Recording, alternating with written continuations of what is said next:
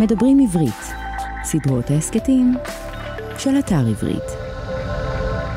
שלום לכולכם, שלום לכולכן, אנחנו הכיפות והשועל, מדף של ספרים ורעיונות לסקרנים ולסקרניות. שמי שמואל רוזנר, והיום נדבר עם מאיה ארד. על מה נדבר איתה? זו שאלה שמחייבת הודעה בכישלון. כפי שתוכלו עוד מעט לשמוע, פתחתי את השיחה בניסיון, ניסיון קצת מגושם להציע שהפעם לא נדבר על איך זה להיות סופרת ישראלית שכותבת בעברית אבל חיה באמריקה. לא נדבר על זה. אבל ככל שהשיחה התגלגלה, התברר שהרבה מאוד דברים לוקחים אותנו בדיוק למקום הזה שממנו כאילו ניסיתי לברוח. למה ניסיתי לברוח ממנו? אולי חשבתי שיהיה מקורי יותר או מחדש יותר, וזה לא הצליח. כלומר, העניין עצמו מאוד הצליח. השיחה עם ארד עניינה אותי. אלא שעניינה אותי לא בגלל שהצלחנו לברוח, אלא למרות שלא הצלחנו לברוח. בעצם למה אני אומר הצלחנו? כאילו שנינו ניסינו. רק אני ניסיתי. למאיה אין שום קשר לכישלון שלי. היא בחרה, כמו רוב אורחינו, שלושה ספרים שמשמשים כמסגרת לשיחה. החי על המת, של הסופר אהרון מגד, יחסי חוץ של אליסון לורי, והקן שאינו מתרוקן של אלי כץ. כל ספר מהשלושה, משהו באמת אחר לגמרי. כמובן, דיברנו קצת גם על הספרים של מאיה ארד עצמה. היא כתבה כמה וכמה, ודיברנו במיוחד על האחרון שבהם, שנים טובות. זה רומן במכתבים שגיבורתו היא לאה, אישה שעוזבת את ישראל בגיל צעיר, ומנסה לשמור איתה על קשר באמצעות מכתבים, וככל שהזמן עובר, טוב, תקראו ותדעו מה קורה ככל שהזמן עובר. זה ספר שיש בו לא מעט על הגירה, ויש בו לא מעט על תקוות ועל אכזבות. בעצם נדמה לי שזה ספר שעוסק בעיקר בתקוות ובאכזבות. וזה הספר העשירי של מאיה ארד, לפניו היו גם שבע מידות רעות, ועלמה מקזן, וקנאת סופרות, ועוד ועוד. נפגשנו בראשון לציון, במשרד של אימא שלה, כשבאה לביקור מולדת בסביבות שבוע הספר. היא סוגרת כבר 30 שנה מחוץ לישראל, למדה במסגרת התוכנית הבינתחומית ויש לה תואר ראשון בבלשנות ובלימודים קלאסיים מאוניברסיטת תל אביב, ויש לה תואר דוקטור בבלשנות מאוניברסיטת לונדון, והיא לימדה באוניברסיטת הרווארד ובז'נבה ובמחלקה לדרמה של אוניברסיטת סטנפורד. סטנפורד זאת האוניברסיטה בקליפורניה, שבה מועסק גם בן הזוג שלה, פרופסור רביאל נץ, ושהיא מקושרת אליה גם כעת. שלוש תזכורות לפני שנתחיל. תזכורת ראשונה, סדרת ההסכתים, הקיפוד והשועל נעשית בשיתוף עברית, אתר התוכן הספרותי הגדול בישראל, המציע לקרוא בכל דרך ספרים דיגיטליים, קוליים ומודפסים. תזכורת שנייה, אנא ספרו לחבריכם על הכיפות והשועל. רק לחברים מתאימים, רק לחברות מתאימות, כי אם אתם מאזינים להסכת הזה, אתם יודעים שהוא לא מיועד לכולם. זה הסכת אך ורק לסקרנים ולסקרניות. לכל השאר אנחנו ממליצים לחפש הסכתים אחרים, ויש המון הסכתים אחרים, חלקם נהדרים. בכל מקרה, אפשר למצוא אותנו ולעקוב אחרינו בכל פלטפורמות ההסכתים. אפשר לבקר באתר שלנו, kipshu.com, kipshu כמו הכיפות והשועל, kipshu.com.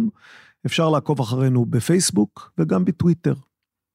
דבר שלישי, תזכורת שלישית, בחודש הבא אנחנו מנסים משהו חדש. מנסים אם תשתפו פעולה. ננסה פרק הסכת של שאלות ותשובות, כלומר, אני אנסה להשיב על כל שאלה שתשלחו לי.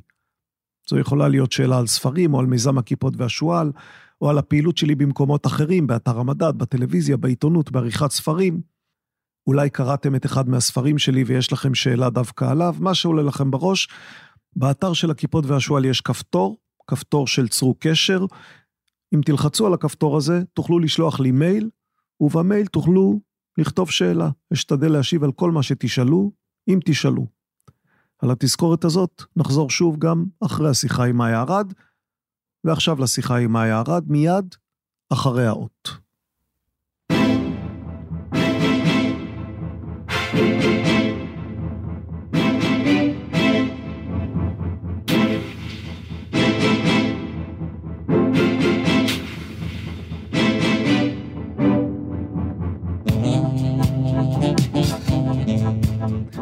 מאיה ארד, שלום. שלום, בוקר טוב. אמ, אני מציע שנתחיל בהסכם ג'נטלמני, אני לא אשאל אותך ואת לא תצטרכי להשיב שוב על השאלה, איך זה להיות סופרת שכותבת בעברית בחו"ל? רעיון מצוין. לא נדבר על זה בכלל. לא, זה הנתון, זה... כן. כן, לא, אני עברתי על הרבה מאוד רעיונות קודמים איתך, ונדמה לי ש, שבעצם בכל הרעיונות שואלים אותך שוב ושוב את אותה שאלה, וזאת השאלה. זה נכון, אבל uh, האמת היא שאחרי שהסכמנו שלא נדבר, אז בזמן האחרון כן יש לי מחשבות על זה, כי בשנה הבאה זה יהיה 30 שנה שאני חיה בחו"ל. וואו. ו-30 שנה בחו"ל זה לא כמו 10 שנים בחו"ל, זה כבר תקופת חיים ממש נכון, רצינית. נכון, חצי חיים, מה שנקרא. כן. כן, כלומר, במקרה שלך יותר מחצי חיים. נכון. אז uh, לפעמים כן יש מחשבות, יש שאלות, אבל uh, זה המציאות שלי, זה החיים שלי. Uh, אוקיי, אז... אלה הנתונים, כן. אז כן, אז אולי, אולי נתגלגל, אולי זה יעלה, יהיה כן. בדיוק, יאמרו על זה דברים. אז, אז אני רוצה להתחיל במשהו אחר, אני אקריא לך טקסט, ואת תנחשי מי כתב אותו. ספר על רווקה בת 54, ועוד אישה לא נחמדה, לא נעימה ולא נדיבה, שמרגישה שהחיים חייבים לה משהו? כן, וזה ספר נהדר. הסופרת אליסון לורי שולחת את ויני מיינר, מרצה אמריקאית לספרות, לשבתון בלונדון, ומאפשרת לה לחוות חוויות חדשות ואפילו להתאהב. הקוראים התאהבו בסגנונה האלגנטי והנשכני של לורי, ובעלילה הסוחפת עד הסוף המריר חמוץ מתוק, ממש כמו בחיים. מי כתב? אני כתבתי את זה באיזה פרויקט, אני זוכרת שהם אה, ביקשו ממני מה, אה, ספרים לכל שלב בחיים, ואני רציתי, חיפשתי ספר דווקא באמת לשלב הזה. כן. אה, יש מספיק ספרי התבגרות, ספרי ככה, שנות את זה, ה-20. את, את זה כתבת לכלכליסט ב-2022. עכשיו, על אותו ספר כתבת ביקורת בהארץ ב-2016, מה שמיד מעלה אצלי את החשד שאחד מכמה דברים, או שזה הספר היחיד שקראת בחיים, או שמאז 2016 לא קראת, לא, קראת, לא, לא קראת אף ספר אחר, או שאת מתעצלת פשוט לבחור ספרים אחרים. כלומר, למה את חוזרת שוב ושוב לאותו ספר? קודם כל בוא נגיד מה שם הספר. שם נכון, הספר הוא כן. יחסי חוץ, Foreign Affairs של אליסון לורי. ו... ו- ו- וביקשת שנדבר עליו גם היום. נכון. אז קודם כל גילית את הסוד שלי, לא קראתי שום ספר אחר. כן. אה, דבר שני, זה באמת באמת אחד הספרים האהובים עליי, אה, גם כקוראת וגם ככותבת. כקוראת אני תמיד אה, יכולה לחזור עליו וליהנות ממנו. ככותבת, אני זוכרת שקראתי אותו ואמרתי, וואו, ככה הייתי רוצה לכתוב. כמה פעמים, כלומר, ספר כזה, כמה פעמים את קוראת? כמה פעמים קראת אותו? נדמה לי שקראתי אותו שלוש פעמים באנגלית ופעמיים בתרגום העברי, כן. שיצא ואזל מהשוק. כן, ניסיתי למצוא אותו ואכן אזל מהשוק. כלומר, אה, הפעלתי אפילו קשרים בהוצאות, בהוצאת הספרים שהוציאה אותו, וגם שם הוא לא נמצא. אז קראת באנגלית. קראתי באנגלית. אה, אוקיי, בסדר. אה, אז טוב, לך אני לא צריכה להסביר, אני חושבת שזה באמת באמת אה, ספר נדיר שלא מקריב את העלילה והמתח ומשהו שקורה שם בשביל האלגנטיות של השפה. בשביל ה... אה, קצת גם עניין אה, רעיוני, המתח בין אה, אנגליה ואמריקה, ככה, ויני היא מין אה, פרופסור אמריקאית. כן, אה, ב- באוניברסיטה פיקטיבית, קורינף כן, שזה University. מאוד מאוד קורנל, היא כן. הרי אה, לימדה בקורנל שנים. והיא נוסעת לשבתון שלה באנגליה, היא אנגלופילית, היא מעריצה כל מה שקשור לאנגליה. ובמטוס מתיישב על ידה איזה, רציתי להגיד אה, ככה, גבר אדום פנים מטקסס, אבל נדמה לי שהוא מאוקלהומה בעצם, אה, צ'אק ממפורד, כזה. אה, את זוכרת את השם, אני כבר עכשיו, קראתי לפני שבוע ואני כבר לא זוכר את השם. סטריאוטיפ של כאילו כל מה שבעיני וי נראה באמריקה, ככה גס, בור, כל, כל מה שלא אמריקאי הוא לא מבין, לא זה, הוא נמצא באיזה טיול מאורגן כזה, ובעצם בהמשך מתברר שהוא מאוד אה, בא לאנגליה בגלל איזה משבר אישי שלו.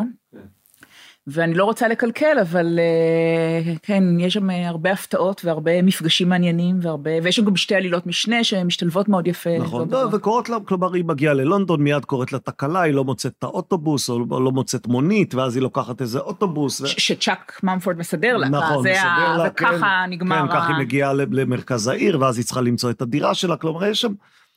הספר... לא, זה רק הפתיחה, כן. אבל- נכון, נכון. אבל, כלומר, זה ספר שבעצם לא, לא קורה בו, הוא לא מאוד דרמטי.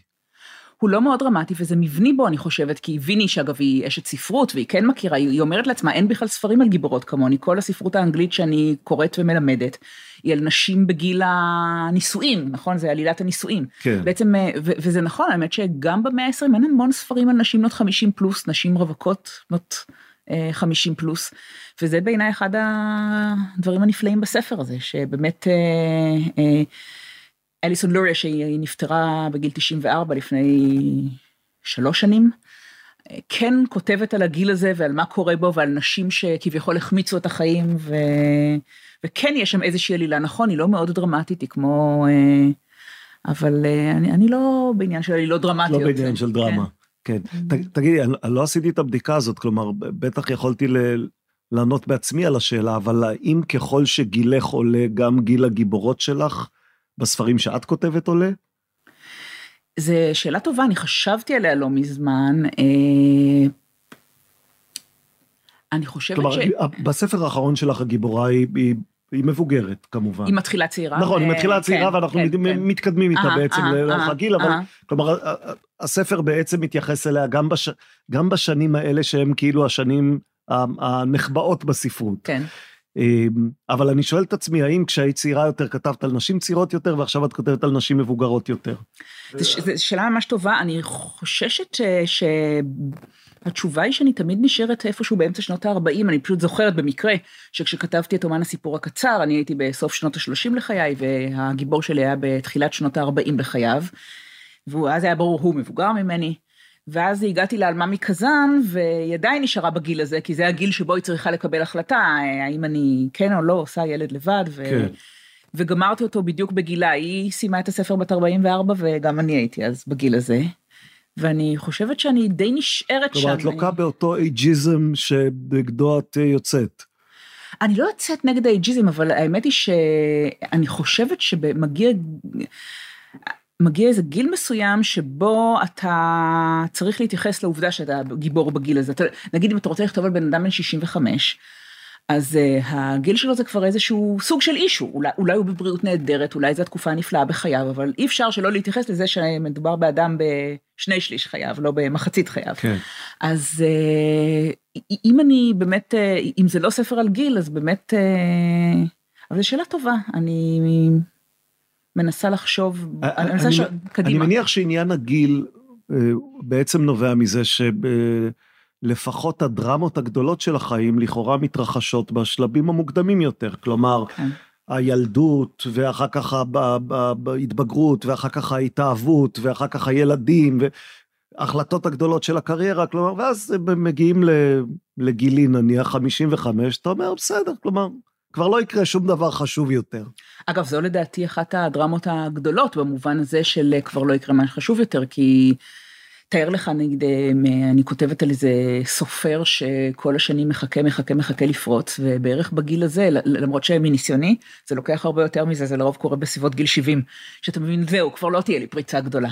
גם זה סוג של דרמה. כן. אמ, שוב, אנחנו מדברים דרמה גדולה, דרמה קטנה, הדרמה של להתאהב או הדרמה של להבין זהו, זה המקום, זה מה שיהיה, זה מה ש... כן, אז כש, כשאת קוראת את הספר הזה של, של לורי, אז מה מעניין אותך בגיבורה? זה שהיא בגיל הזה, או זה שהיא עסוקה בספרות? מה שמעניין אותי זה אה, יותר מהכל, ולא הייתי קוראת את זה אלמלא זה, זה באמת סגנון נפלא של אה, אליסון לורי, וזה אה, גם בחירת המילים, גם מבנה הפסקה, גם האופן המאוד חסכני של העלילה, אין שם שום דבר מיותר, אתה, אם אתה זוכר, אתה קופץ, פתאום אנחנו קופצים כמה חודשים קדימה, פתאום קדימה, ואז קופצים. חוזרים אחורה לעוד לפני. כן, כן, כן, הכל ככה בפרקונים כאלה קטנים, ואני מאוד מאוד מעריכה כזה, אני, אני מאוד מעריכה עלילה, זה מאוד חשוב לי. ספר בלי עלילה שלא קורה בו כלום, לא משנה שיהיו בו התיאורים הכי נפלאים, יהיה לו קשה מאוד להגיע אליי. תולדות הזמן האבוד זה לא הספר ש, אה, שאת אוהבת. דווקא ממנו קראתי קצת, אה, וזה היה מאוד יפה. קראתי אבל... קצת, כלומר לא, לא הצלחתי להשלים. מ, מ, תגיד, תראה לי מישהו אחד שהשלים את. כמה, אלפיים עמודים? כמה? כן. אה, לא.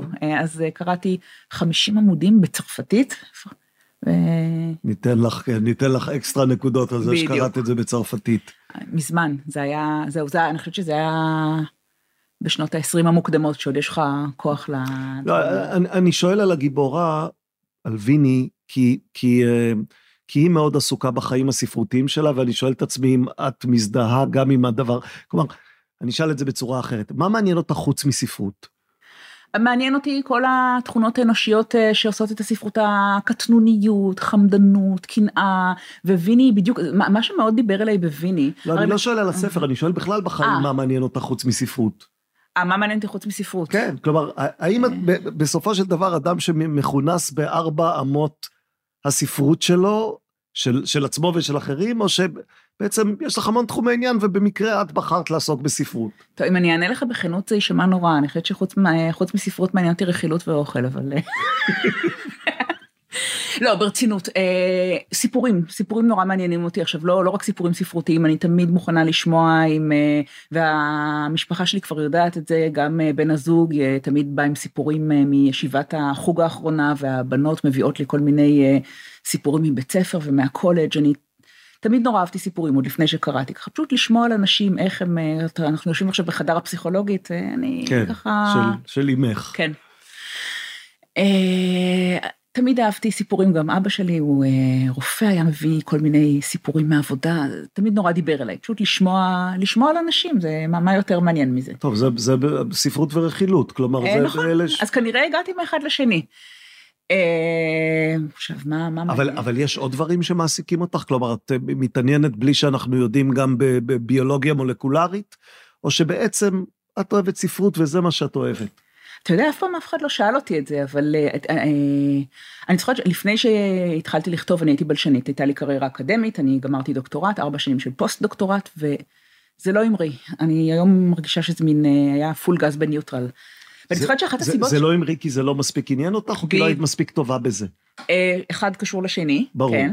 לא, אז ה punch line זה שאני זוכרת שפעם סיפרתי לרביאל על אה, הרצאה נורא משעממת בבלשנות שנכחתי בה, ופשוט איך השתגעתי מרוב שעמום.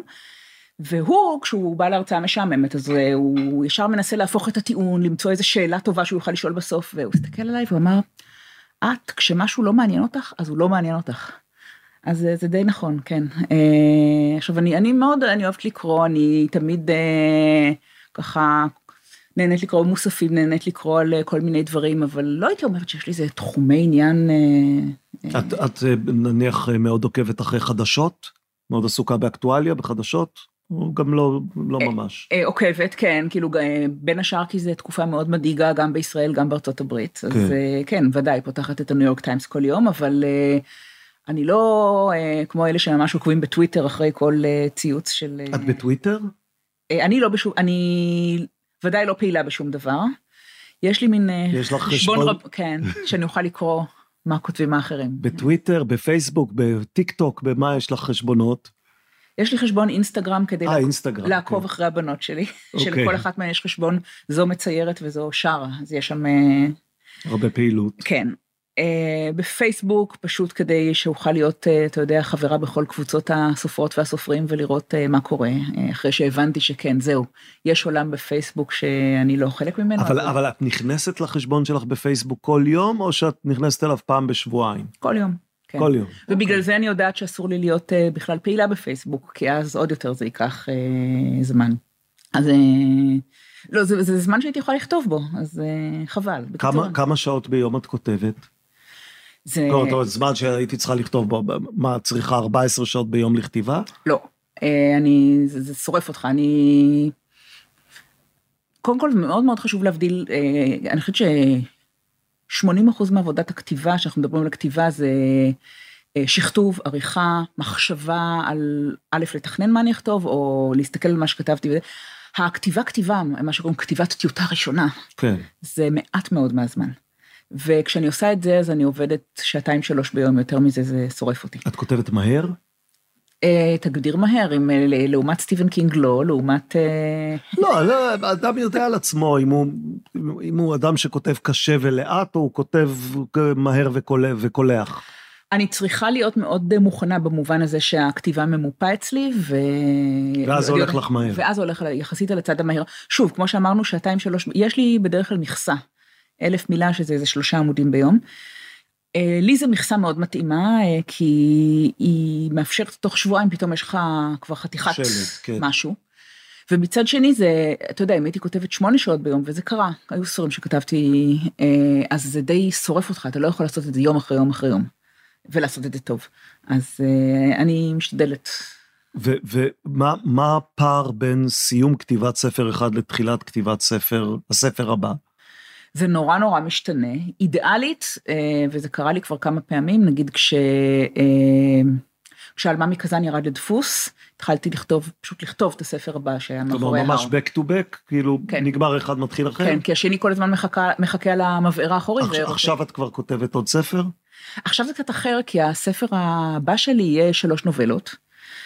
שאחת מהן אה, כתבתי כבר אה, מזמן, ואחת סיימתי אה, לא כל כך מזמן, ואחת אני אכתוב עוד מעט. טוב, אז זה, את אומרת, אה, עכשיו אני מכינה לכם ארוחת שאריות, אבל אה, את ה...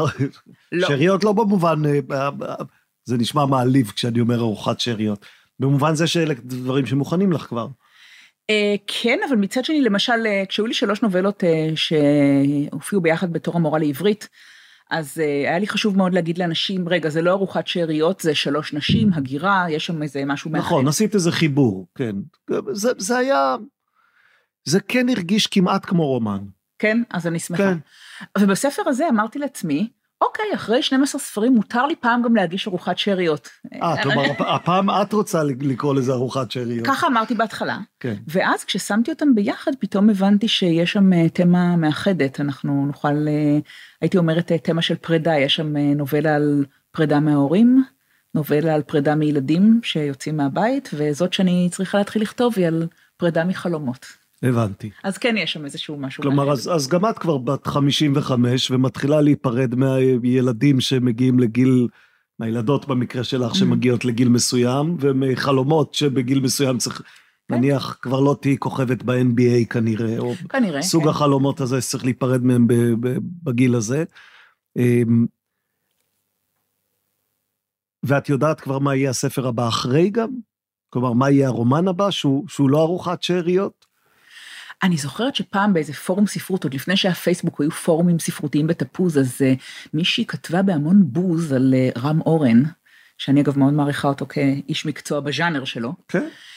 והיא אמרה, הוא מכונת כתיבה. עוד לפני שהוא גומר לכתוב ספר, הוא כבר יודע על מה יהיה הספר הבא. כאילו, אה, כאילו הוא סופר אמיתי, יש לו איזו השראה מלמעלה שמדברת אליו בחלום ויורדת אליו מהשכינה, ורם אורן כבר יודע מראש על מה יהיה הספר הבא. בעיניי זה נהדר לדעת על מה יהיה הספר הבא, ויש לי, תמיד יש לי הרבה רעיונות. ואני אני קוראת לזה the lowest hanging fruit, אני תמיד לוקחת את זה שהכי קל לי להגשים כרגע.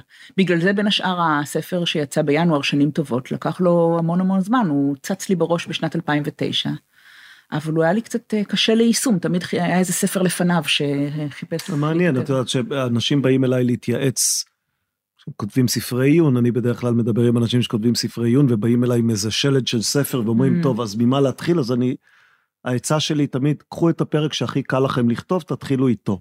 שיהיה לכם, שיהיה משהו ביד שאפשר למשש אותו, ואחר כך כבר אהה. תדעו אם יש לאן להתקדם עם זה. אוקיי. כן. אגב, זה קצת off topic, אבל הרבה ספרי עיון באמריקה לפחות נראים לי כאילו מישהו כתב מאמר נהדר באטלנטיק, ואז אמרו לו, רגע, רגע, תעשה מזה ספר, ואז הספר ככה טפח למין... אה, זה, כך זה באמת, כך זה באמת קורה. כלומר, מישהו כותב מאמר נהדר באטלנטיק, או בניו יורקר, או באיזה מין אה, מקום כזה. ואז או שהוא מצרף אליו עוד מאמרים בנושאים דומים, או, ש... או שהוא לוקח את המאמר והופך אותו לספר. כן. אמ, אז בואי נחזור לוויני, אמ, לגיבורה, לגיבורה שאת אוהבת.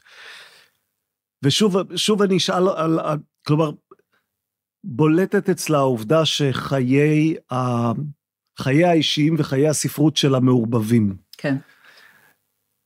אני אשאל אותך שוב, האם גם אצלך זה כך? שאלה סופר בנאלית, אבל האם את מרגישה במובן הזה קצת דומה לה?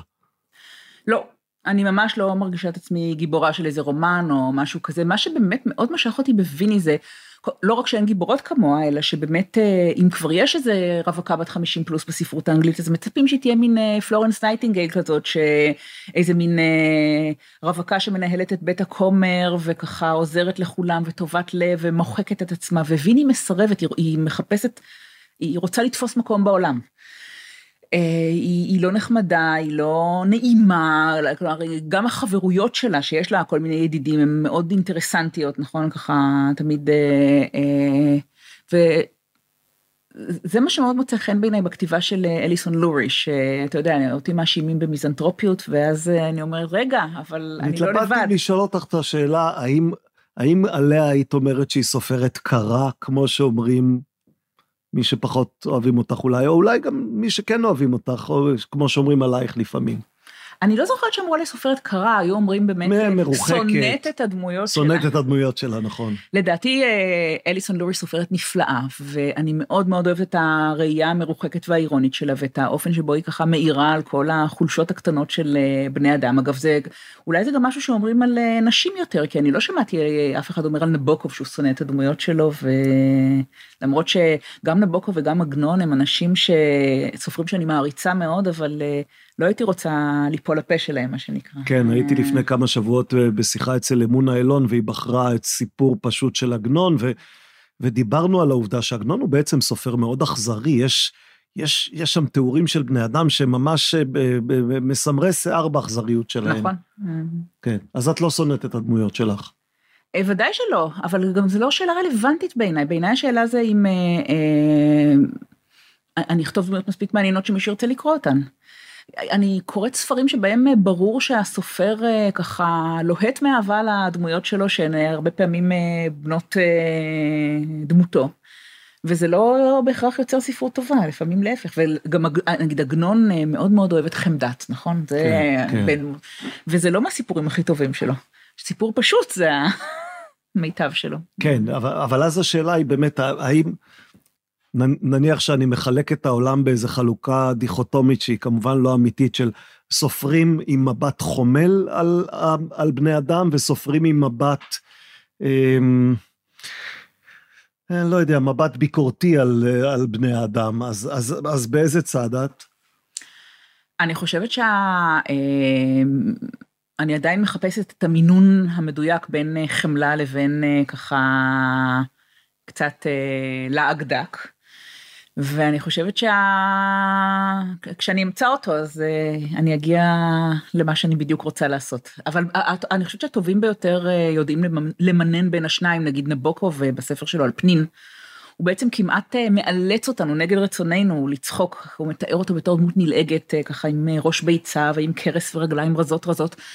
ואז אתה חייב להיות קורא מאוד מיומן, לקרוא דרך התיאורים המאוד מצחיקים האלה כדי להבין איזה בן אדם נהדר הוא.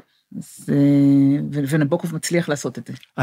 היית רוצה, כלומר, נניח במסגרת החלומות שעוד לא הגשמתי, היית רוצה לכתוב פעם ספר שהוא ספר שכולם ירגישו שהוא מאוד, כלומר, שהוא מאוד רחום, והוא כאילו להפוך, להפוך את הסגנון שלך, לעשות משהו אחר לגמרי. אה, לא בהכרח זה, הייתי שמחה, אבל קודם כל קצת הפתיע אותי, כי לדעתי הספר, ה... אה, אני לא אוהבת להגיד הספר האחרון, אין מילה טובה בעברית ל-most recent. כן. האחרון זה הספר כן, של תמי כן, גלבט, לא האחרון. כן, כן, בדיוק, כן. אז, אה, אבל הספר שיצא בינואר שנים טובות, אני, אני, אני הרגשתי שיצרתי גיבורה מאוד סימפטית, מאוד התפלאתי שאחרים ראו בה בכל זאת אישה אינטרסנטית ולא נחמדה, ויש בה תמימות. יש בה תמימות וזה סוג של, של פתטיות גם. כן, אבל היא בן אדם, בן אדם עם כוונות טובות, היא לא מאחלת אה, רע לאף אחד, היא לא ככה יושבת וחורשת אה, רעות או מקנאת או... נכון. ו... אומרים, מישהי אמרה לי, היא כזו, אני מחפשת בעל, אמרתי, בסדר, מי לא מחפש בעל? כן, כן, כן והיא היא, היא, היא נמצאת באזור שבו את נמצאת עכשיו, של מחסום 30 השנה, או... או אה, בגבול 30 השנה. היא כבר חיה 50 שנה באמריקה. כן, נכון. לא, היא, כן. היא חוצה אותו, באיזשהו שלב בספר היא נכון? חוצה אותו. כן. אה, זה גם אה, באמת בולט שם אפילו, אני חושבת שבשלב די מוקדם, בשנות ה-70, במכתבים משנות ה-70 היא עוד מתנצלת, הלכתי בשליחות ללמד עברית לילדים באמריקה, פגשתי את בחיר ליבי והוא אמריקאי. בסוף שנות ה-80, כששואלים אותה למה היא לא חוזרת, היא אומרת, יש לי שני ילדים והם אמריקאים, אני לא יכולה להעביר אותם, וגם החיים שלי כאן כבר... כן. אז במובן הזה את מרגישה, מרגישה דומה לה? את לא, את לא דומה לגיבורה הזאת, אה, בשום צורה אחרת כנראה. אה, אני, החי... אה, כן, החיים שלי כרגע בארצות הברית. התארגנו כך.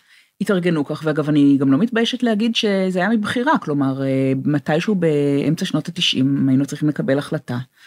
וההחלטה נפלה ביוני 96, כשבאנו להצביע שני סטודנטים תפרנים, וקיבלנו את נתניהו בפעם הראשונה.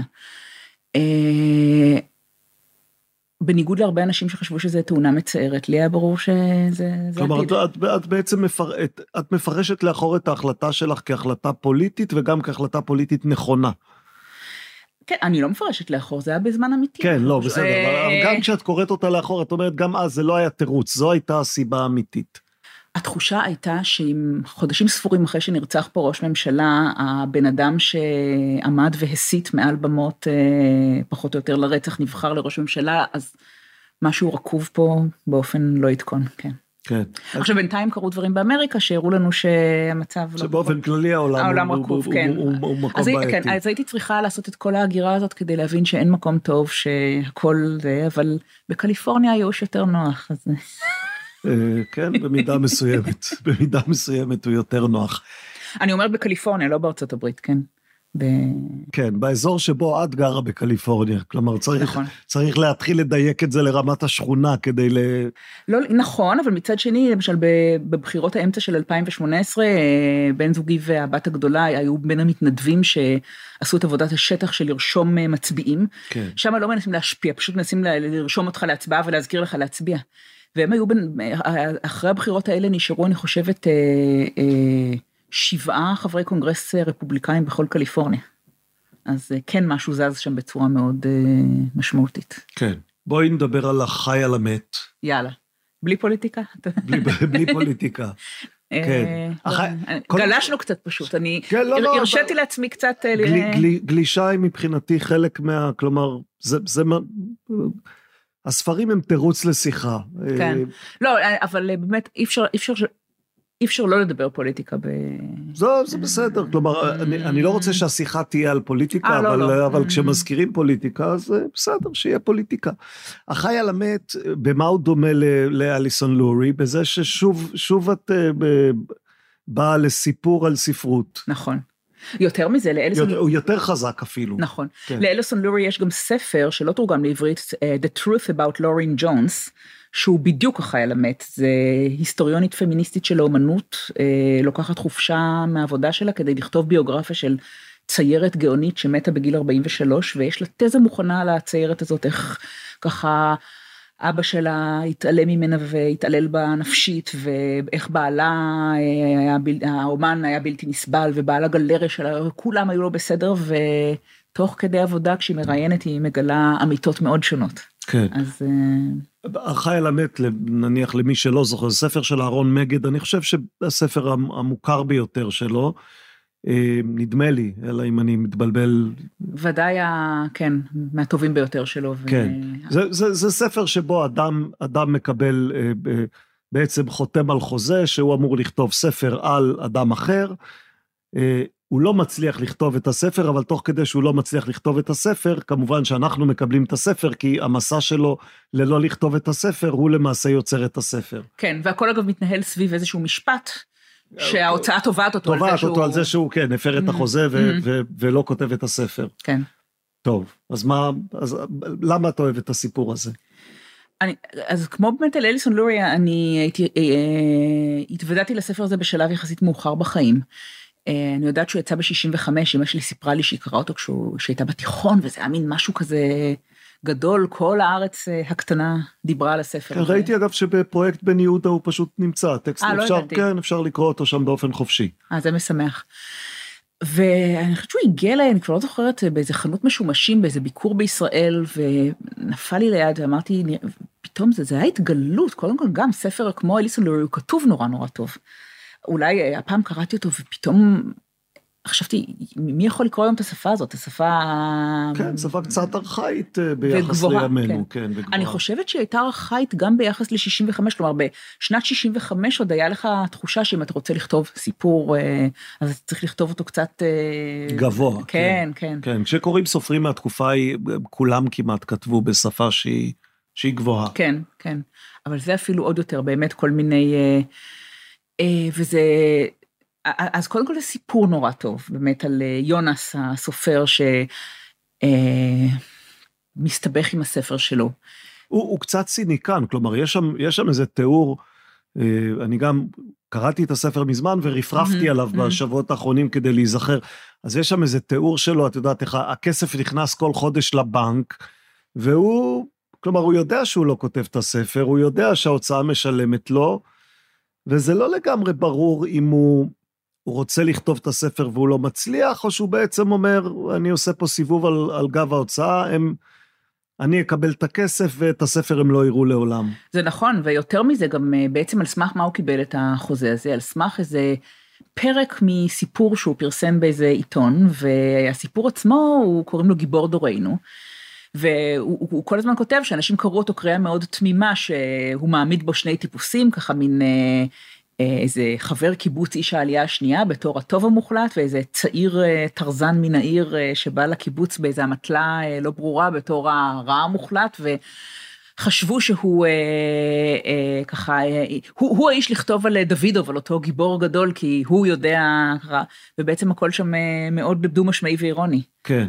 התחברתי לזה בין השאר גם כי הספר הראשון שהוצאתי לאור, מקום אחר ועיר זרה, רומן בחרוזים, אה, היו הרבה אנשים שקראו אותו קריאה תמימה כשיר אהבה לצה"ל ולישראל, אז אה, זה מאוד שעשע אותי. אה, כן, כמה, כלומר, דוידוב באמת, גם מהספר הזה הוא יוצא דמות של לרגעים לא ברור עד כמה היא נלעגת ועד כמה היא... המשחק הזה, שרואים אותו למשל, נניח גם בספר האדום של אסף ענברי ש- שיצא, המשחק הזה מול גיבורי הציונות, ר- ר- ראשי, ראשי המדינה של פעם. אמ, הוא משחק שמדבר אלייך? כלומר, את, את מתכתבת איתו באיזה אופן? תראה, אני לא, אין לי את הכישרון לא של אה, מגד ולא של אסף ענברי ממש לכתוב על אה, אירועים שהיו, אבל אה, אה, אני מאוד אוהבת לקרוא על זה. אבל כן, באמת אה, בקריאה האחרונה שלי של הספר, ככה לקראת השיחה שלנו, אז אה, פתאום זה, זה, זה, זה כבר נראה לי יותר מדי, הוא מין פורסט גאמפ כזה, הוא גם, אה, הוא גם שם והוא גם שם והוא גם שם והוא גם, זה, זה כבר, נראה באמת שאהרון מגד כבר רוצה לשחק איתנו. כן. הוא, גם, הוא, אה, הוא גם על אוניית מעפילים הזאת, והוא גם אה, בגדר בחניתה, והוא גם שם וגם זה.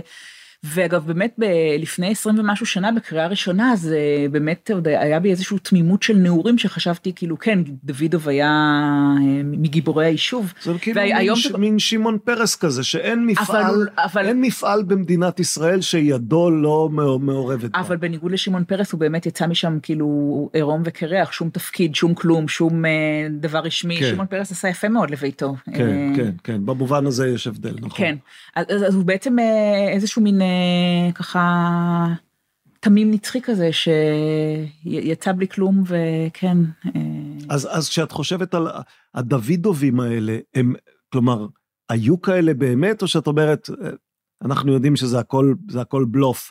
הם כולם היו אנשים קטנים שדואגים לאינטרסים שלהם, והתיאורים, המיתולוגיה הציונית הזאת, היא, אה, יש בה איזה יסוד שהגיע הזמן לקעקע אותו. תראה, אני לא הייתי שם, אז אני לא יודעת, אני אה, בדיוק, אה, אמר לי פעם איזה היסטוריון של העת העתיקה, הוא אמר לי, אני אף פעם לא נלחמתי במלחמה, אני לא מאמין באלוהים, ומעולם לא הייתי רעב שלא מרצוני. אז איך אני בכלל יכול להיכנס לראש של הנחקרים שלי? אז אותו דבר, אני לא יכולה להבין מה זה לחיות מתוך אידיאולוגיה באמת של אה, ציונות וסוציאליזם, שאתה ממש מאמין בהם בלב שלם, אני, אני לא הייתי שם. אנחנו יודעים שהעלייה השנייה היו קומץ של אנשים מאוד מאוד אידיאולוגיים, אה, מאוד... אה, אני לא כותבת על הדברים האלה, כי אני באמת... את לא מרגישה שאת יכולה ל- להבין אותם כן, לעומק? כן, שזו שאלה אגב שאני מתמודדת איתה כל יום בכתיבה שלי, עד כמה אני בתוך אזור הנוחות שלי, כותבת על עצמי, ועד כמה אני יכולה לכתוב על מישהו אחר. אבל בוא נגיד שעל באמת דוידוב כזה, זה כבר uh, מעבר ל... את, אגב, כשאת כותבת את הספרים שלך, אז את עושה המון תחקיר?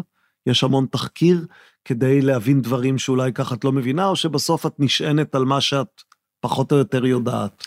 תראה, תחקיר זה מאוד טוב למקרה שנגיד כתבתי מאחורי ההר, אז היו שני אה, מרצים לגיאולוגיה שעזרו לי.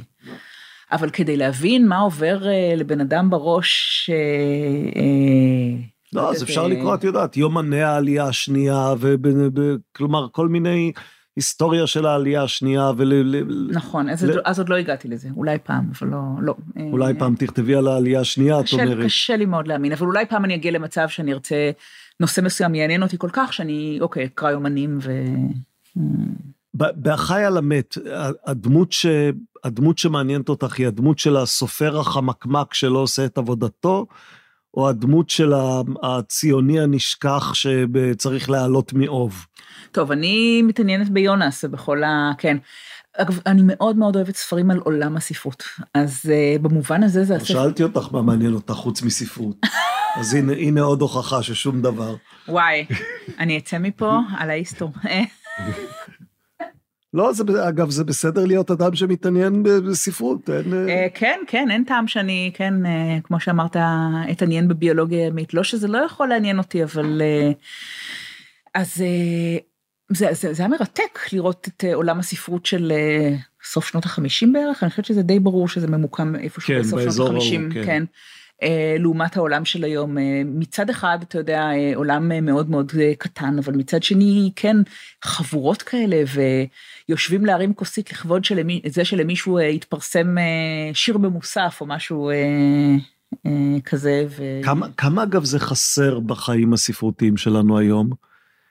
כלומר, את, את נמצאת גם במרחק פיזי, אז, אז, אז זה עוד יותר מסובך במובן הזה, אבל בעצם, עולם הספרות כפי שהוא מתואר בספרים האלה, הוא לא קיים יותר. לא קיים יותר, לא. החבורות, השולחנות, הפרלמנטים של סופרים ומשוררים שיש להם גם איזה השפעה דרמטית על מקבלי ההחלטות mm-hmm. ועל המפלגות ועל כל, כל הדבר הזה של, של אלתרמן אה, כותב שיר mm-hmm. ובן גוריון אה, צריך לגזור אותו מהעיתון ולשלוח mm-hmm. אותו לרמטכ"ל, זה לא קיים יותר. לא, זה לא קיים יותר. באיזשהו מקום זה גם משחרר. הידיעה שאנחנו כבר לא צריכים לכתוב להיות הצופים לבית ישראל ולכתוב איזה משהו רשמי, זה, זה, יש בזה משהו משחרר שאתה כותב מה שאתה רוצה, אתה לא צריך, אה, כן, אה, להתוות דרך. אבל, או... אבל זה באיזשהו אופן מאוד מקטין את תפקידה של הספרות בעולמנו. הוא מקטין, אבל אתה יודע מה, אולי הוא מביא אותה למקום הנורמלי, הרי תמיד היה לספרות מקום קצת יותר מדי גדול לעומת אומנויות אחרות, אה, נכון, לעומת, לא יודעת, ריקוד או אפילו קולנוע. אה, וזה כן, וכישרונות שבאופן מסורתי היו הולכים לספרות, הולכים היום למקומות כמו האקדמיה או הטלוויזיה. והתוצאה היא שיש אה, כתיבה טלוויזיונית ברמה הרבה הרבה יותר גבוהה מאשר אה, היה לפני 30 שנה. ויש אנשים שמוצאים את פרנסתם אה, באוניברסיטה, אבל אה, כן. לא, את אה, נשמעת כאילו זה בעצם, את לא מצטרפת למקהלת המקוננים על הספרות העברית ש, שהולכת ונעלמת. תשמע, זה, זה מצב, אין לי מה לקונן על מצב שהוא כנראה... ואגב, לא, את אומרת, אני קוראת את אהרון מגד, ואני, ואני רואה את העולם הספרותי של אז, של שנות החמישים והשישים. הוא לא בהכרח היה יותר טוב. כן, והבתי קפה, וה... עולם אגב מאוד גברי בהרבה נכון. מובנים. אמ, ואת לא אומרת, וואו, כזה הייתי רוצה. לא, ממש לא. אגב, אמרת עולם גברי, ב- ב- הרי הנשים היחידות שיש שם זה או אה, רעיות, או מאהבות, או גרופיות של החבורה הספרותית הזאת. כן. זה מצב די אה, נוראי. אה, כן. אז לא, אני ממש לא, לא מתגעגעת ולא... שמע, זה, זה היה... רציתי להגיד, זה המציאות הספרותית שגדלתי בה, אני, אה, בוא נגיד, אני, אני נולדתי והתבגרתי למצ...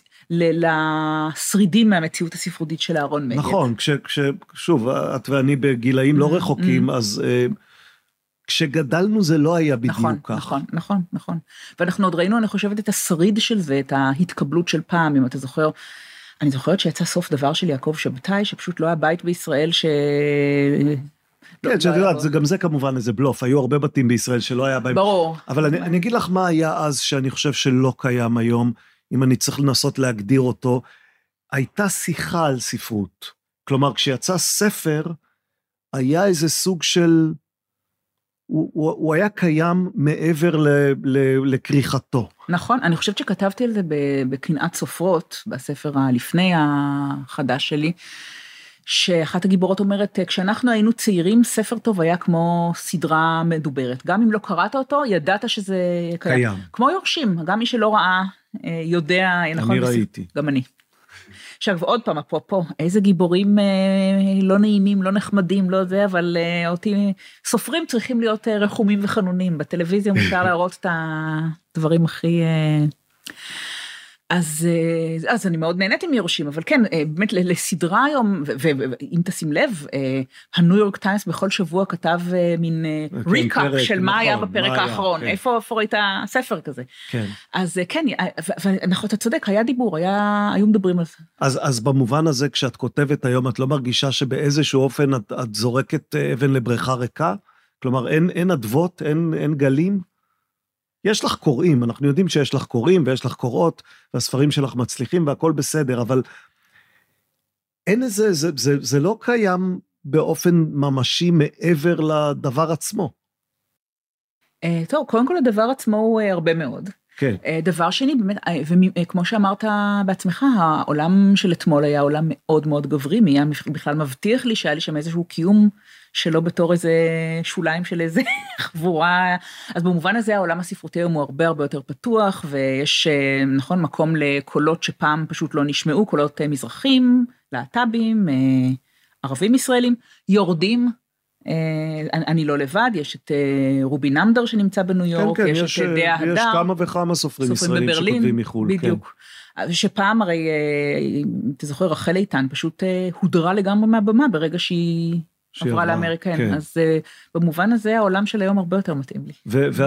והיעדרה של השיחה, זאת אומרת, זה מצב, ואני חיה זה, עם זה, המצב. Uh, כן, שמע, uh, חוץ מ... Uh, הדבר היחיד שאני יכולה לעשות זה לעשות את העבודה שלי, לכתוב עוד ספרים. Uh, יותר מזה אני לא... Uh, אני...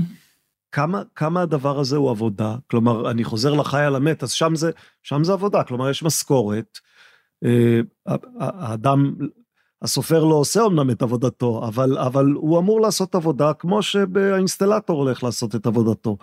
כמה את מתייחסת למה שאת עושה כאל עבודה? אני מתייחסת לזה לגמרי כאל עבודה, גם אה, יש לי שיוך לאוניברסיטת סטנפורד בתור אה, writer in residence, אז כן. שהוא אומר שאני מקבלת משכורת מאוד קטנה ועושה כמעט כלום, זה נהדר. כלומר, אני כותבת, זה העבודה שלי. כן.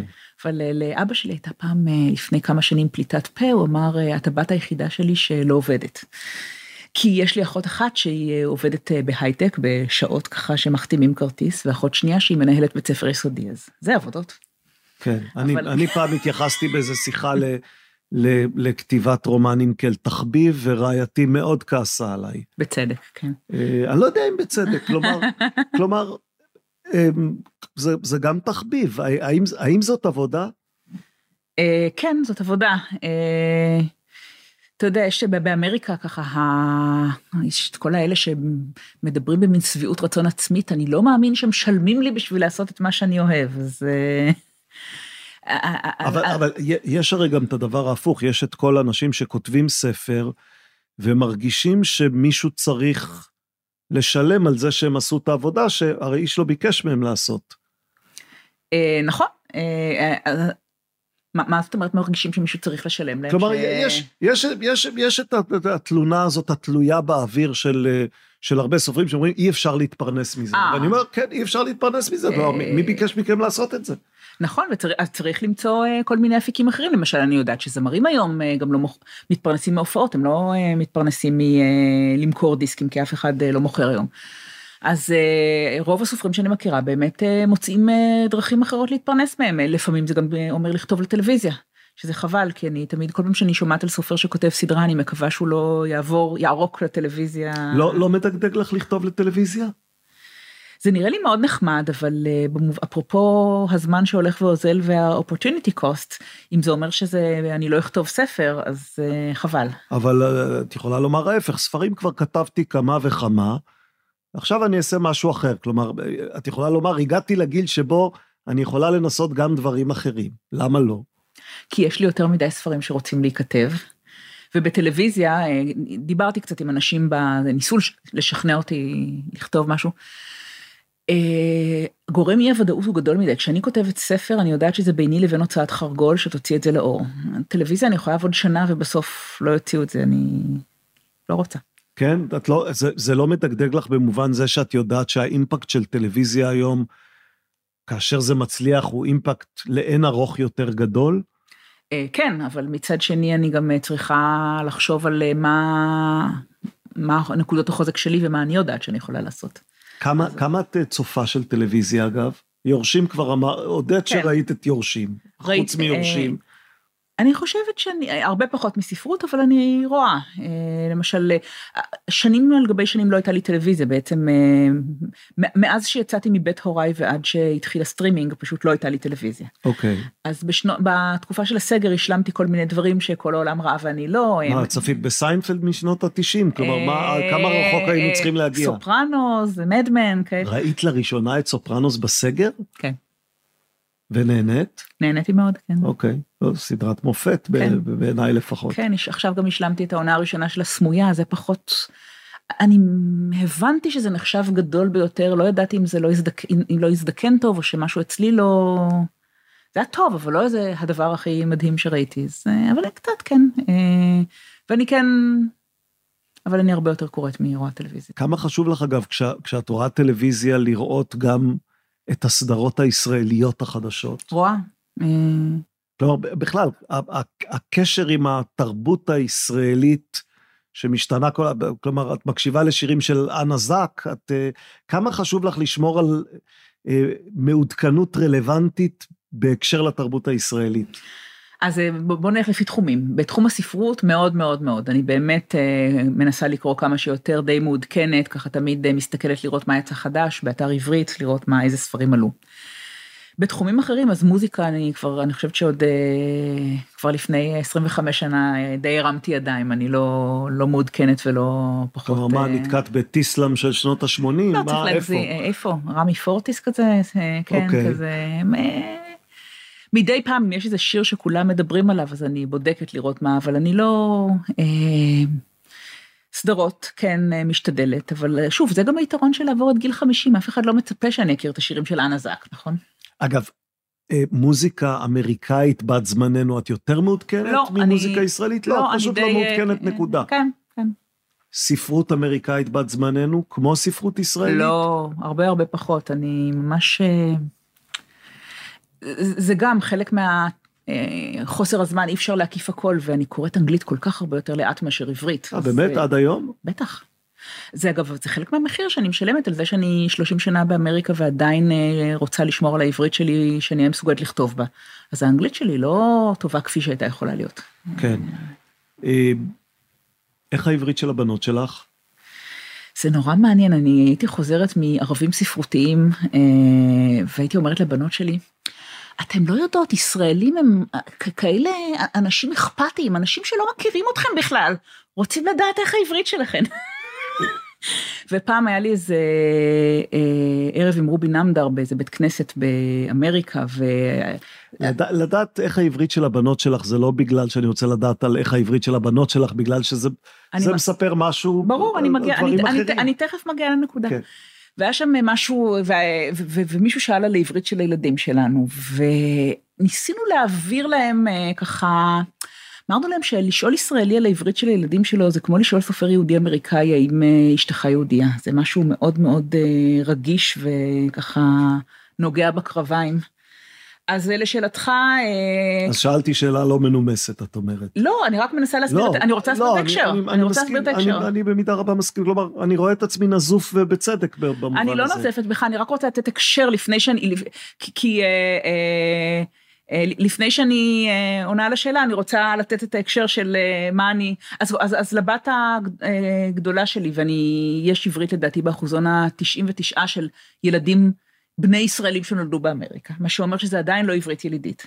כן, אבל טובה, אבל עברית טובה. עברית טובה, חסרים לה המון הקשרים תרבותיים, לא מזמן היא, שה- היא אמרה לי, כי היא גם מנסה קצת לראות טלוויזיה ישראלית ולשמוע שירים, יש מילה עברית שאני שומעת המון, אבל את ואבא אף פעם לא משתמשים בה, אז שאלת אותה איזה מילה, היא אמרה, כפרה. אז זה זה מה שחסר לה, כאילו, כן. ההקשר הזה.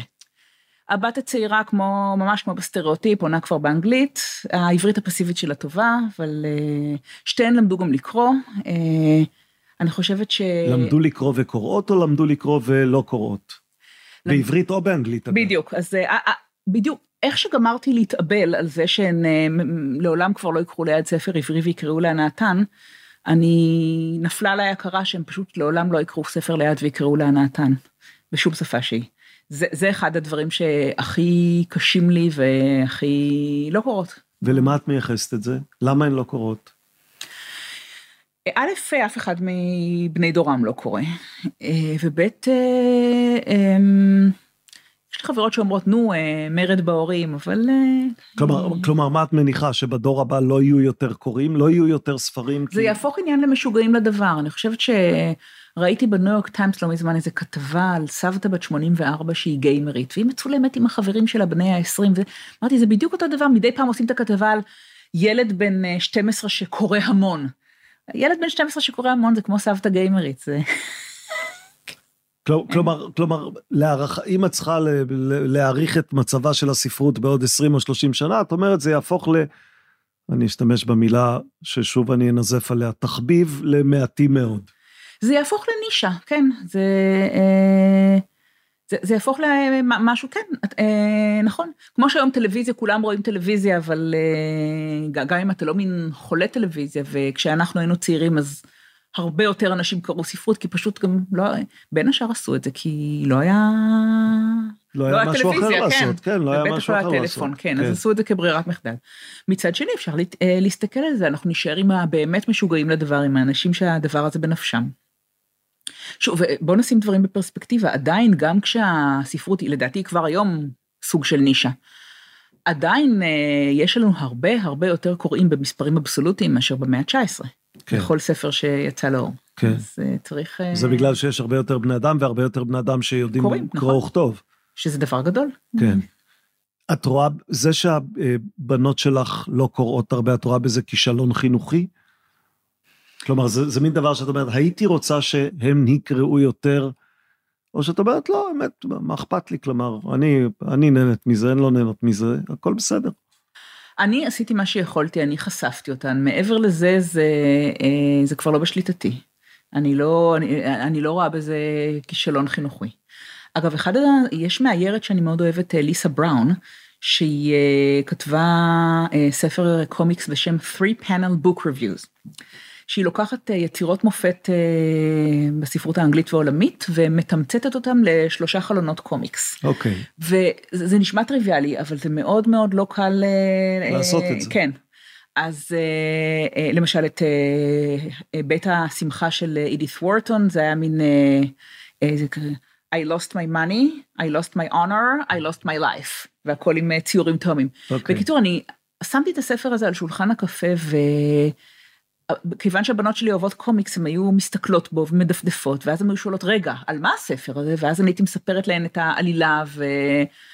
זה היה מין דרך לדבר על ספרות שלא דרך ספרות. הבנתי, אבל זה לא גרם להן להגיד, טוב, עכשיו תמצאי לנו עותק של אידית וורטון לא. כדי שנקרא את הספר. לא, זה לא גרם להן, ותשמע, קודם כל, לפעמים מגיעים לזה בשלב uh, מאוחר בחיים. Uh, זה מישהו במשפחה המורחבת שלי שאני מכירה מאז שהוא היה נער. אה, ניגש אליי אה, לפני כמה שנים ואמר לי שהוא קרא את העלמה מקזן והוא מאוד אה, אהב, קודם כל גבר זה ספר שיותר שנשים קראו, ומישהו שממש לא חשבתי עליו שהוא קורא, אז פתאום קרא ונהנה וזה, אז יש דברים, אני חושבת ששמעתי באיזשהו מקום שאנשים מגיעים למוזיקה קלאסית לקונצרטים בדרך כלל בין גיל 40 ל-45, פתאום מתחילים ללכת. אפרופו דברים שלא עשית קודם. כן, אבל זה יכול להיות גם שאלה שאת יודעת, של, של מצב כלכלי, נכון. וכלומר, הליכה קונצרטים של הפילהרמונית זה לפעמים גם סוג של uh, סמל סטטוס. נכון.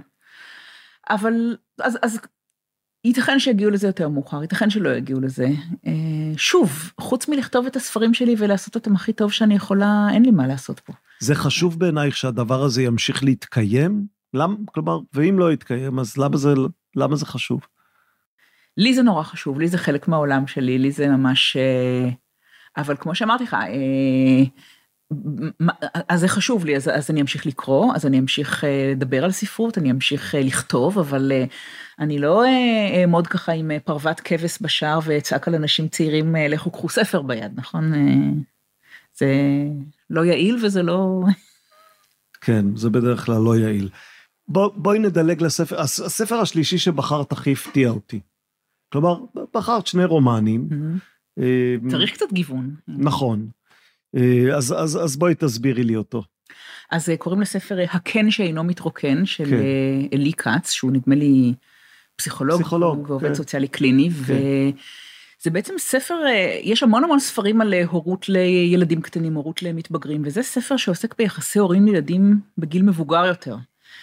ואני חושבת שהוא ספר מאוד ישראלי, הוא מדבר על התופעה הייחודית לישראל, שגם יש אה, נטייה או לחץ ללדת ילדים בגיל מוקדם, גם יש שירות צבאי, אז ההכשרה המקצועית לוקחת הרבה יותר שנים, גם יוקר המחיה מאוד מאוד גבוה. שלושת אלה יוצרים איזה סיר לחץ שבו ילדים במרכאות בגיל, בשנות ה-30 לחייהם עדיין מאוד מאוד תלויים בהורים שלהם, אה, בין אם כלכלית, בין אם ב... בתמיכה, בטיפול בילדים. בדיוק, כן. כן. וזה יוצר כל מיני מצבים מאוד, אז קודם כל זה, היה מרתק בשבילי לקרוא, כמו שאמרת, אני רגע לפני השחרור של הילדים, אה, אה, אז, אז מה מחכה הלאה בשנים האלה. אבל כסופרת אני פשוט הרגשתי שהיו שם כל מיני מקרים שהוא מתאר שאני הייתי יכולה לקחת אותם כמו שהם ולכתוב עליהם אה, סיפור. אני חושבת נגיד ספציפית על הסבתא האלמנה שהייתה בטוחה שה... הבת והחתן מזמינים אותה לבוא איתם לפירנצה כדי שגם להקל על בדידותה וצערה וגם להודות לה על כל העזרה בטיפול בנכדים, בעוד ששני אלה בכלל רצו שהיא תישאר שם בבית עם הנכדים כדי שהם יוכלו לבלות. היא תשגיח על הנכדים כדי כן, שהם יוכלו לבלות. כן, כן. זה, זה, כמו שזה, לקחת ולכתוב סיפור. כן, יש, יש, יש בספר, כלומר, זה ספר שיש בו הרבה מאוד על, על על סבאות וסבתאות, כלומר, הוא ספר שבחלק גדול מתוכנו בכלל עוסק באמת בדור הסבים והסבתות, ולא בדור ה... כאילו ההורים והילדים הם בעצם איזה סוג של מטען, מטען שעדיין הם, הם, הדור המבוגר יותר מחזיק אותו. נכון, נכון.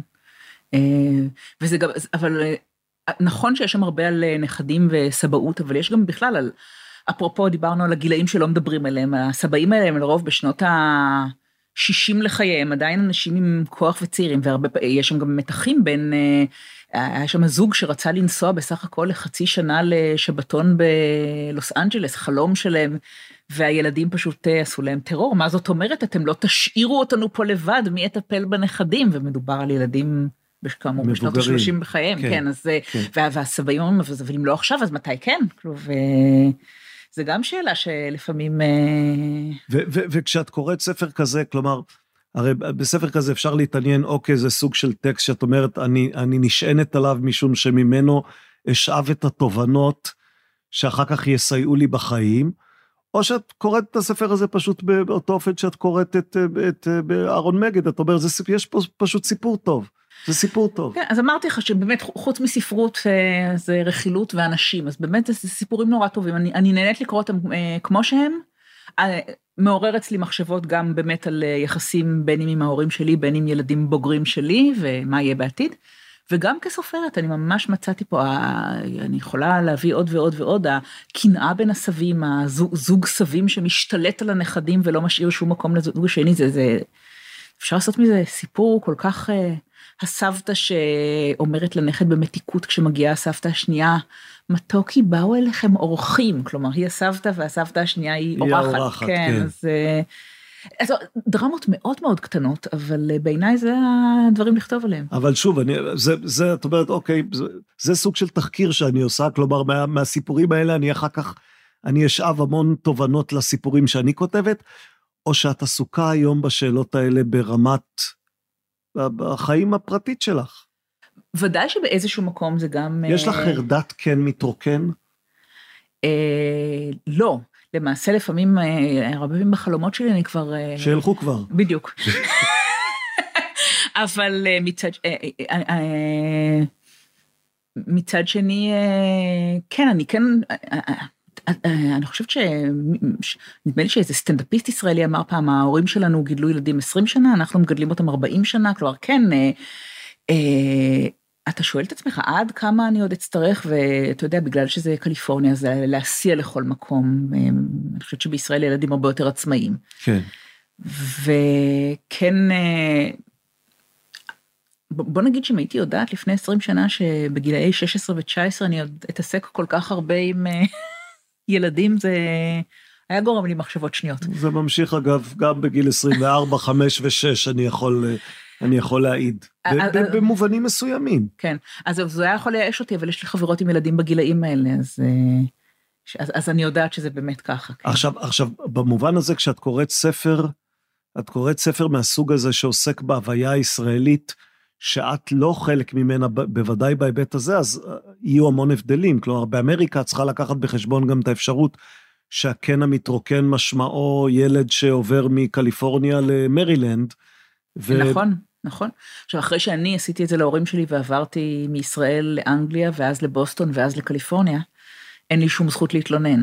לא, לא, זה לא ברמת התלונה, זה ברמת למה את נערכת בעצם. נכון, אז קודם כל, באמת הבת הבכורה שלי אה, גמרה שנה ראשונה בקולג' בניו יורק. אז... אה, אז היא בעצם מאוד רחוקה מהבית. היא מאוד רחוקה מהבית, היא עכשיו באה אבל אה, לכל הקיץ בשנה הראשונה הם עוד באים, אז זה בהחלט מוזר, כן, אבל מדברים המון בטלפון, וככה אנחנו עדיין מאוד חלק מהחיים שלה, ודאי ב... התחום היומיומי. מצד שני, כן, אני חושבת שזה היה הכרחי. אה, למשל, היא יצאה מהמעונות לדירה משלה, כמו כולם בשנה השנייה, והזמינה רהיטים מאיקאה, וחיכתה בטלפון שתגיע ההובלה, ונעזרה בחברה להרכיב את הרהיטים. וברור לי, ולא רק שברור לי, אלא גם חברות שלי שהילדים שלהם בקולג' בקליפורניה, אז אה, ההורים נמצאים ליד וההורים כבר צריך באיזשהו מקום לפרוס את הכנפיים האלה כדי אה, להיות עצמאי. כן. זה, אה, תראי, זה, זה, זה לא בלתי דומה ללשלוח ילד לצבא, נניח לאלה ששולחים ילדים לצבא, שהילדים לא חוזרים כל יום הביתה. כן. אבל, אבל הפרידה בישראל היא בכל זאת אחרת, משום שבסוף הצבא נגמר, ואז נכון. גם אם אתה גר בכפר סבא והילד גר בטבריה, זה מרחק של אה, נכון. שעה ועשרים דקות נסיעה. אם בתך תש, תישאר בניו יורק ושם יהיו חייה, ואת נשארת בקליפורניה ושם חייך, אז זה מרחק גדול. נכון, זה חלק מה...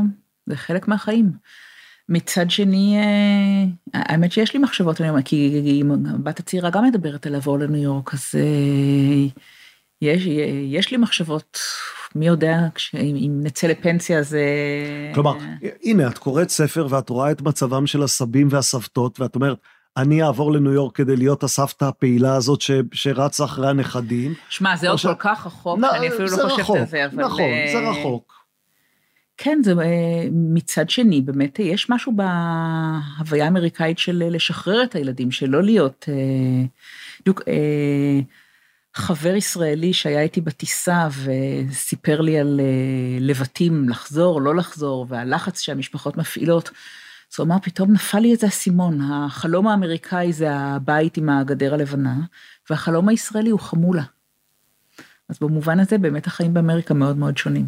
והם שונים לטובה או שונים לא לטובה או פשוט שונים? הם שונים, הם שונים. אני לא, לא אני, אתה יודע, מי אני שאני אקבע מה טוב ומה רע? לא, לא, אה, לטובה במובן הזה שאת אומרת, אני חיה באמריקה מאלף סיבות שיש לי, אבל דווקא במובן הזה אני חושבת שבישראל יותר טוב.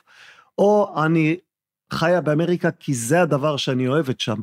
אני אוהבת את היכולת להתנתק, את היכולת לשחרר את הילדים רחוק, את היכולת לחיות בלי סבא וסבתא שיושבים על הראש. לא, אז במובן הזה דווקא באמת, אה, אה, הלוואי אה, שהיו לי סבא וסבתא בסביבה כשגידלתי אה, את הילדים, זה היה אחד המחירים שלו לגדול באמריקה, וזה חבל לי מאוד, למרות שהצלחנו כן ליצור, ליצור קשר משמעותי עם הסבים, עם ביקורים, עם... אה, זה חבל לי.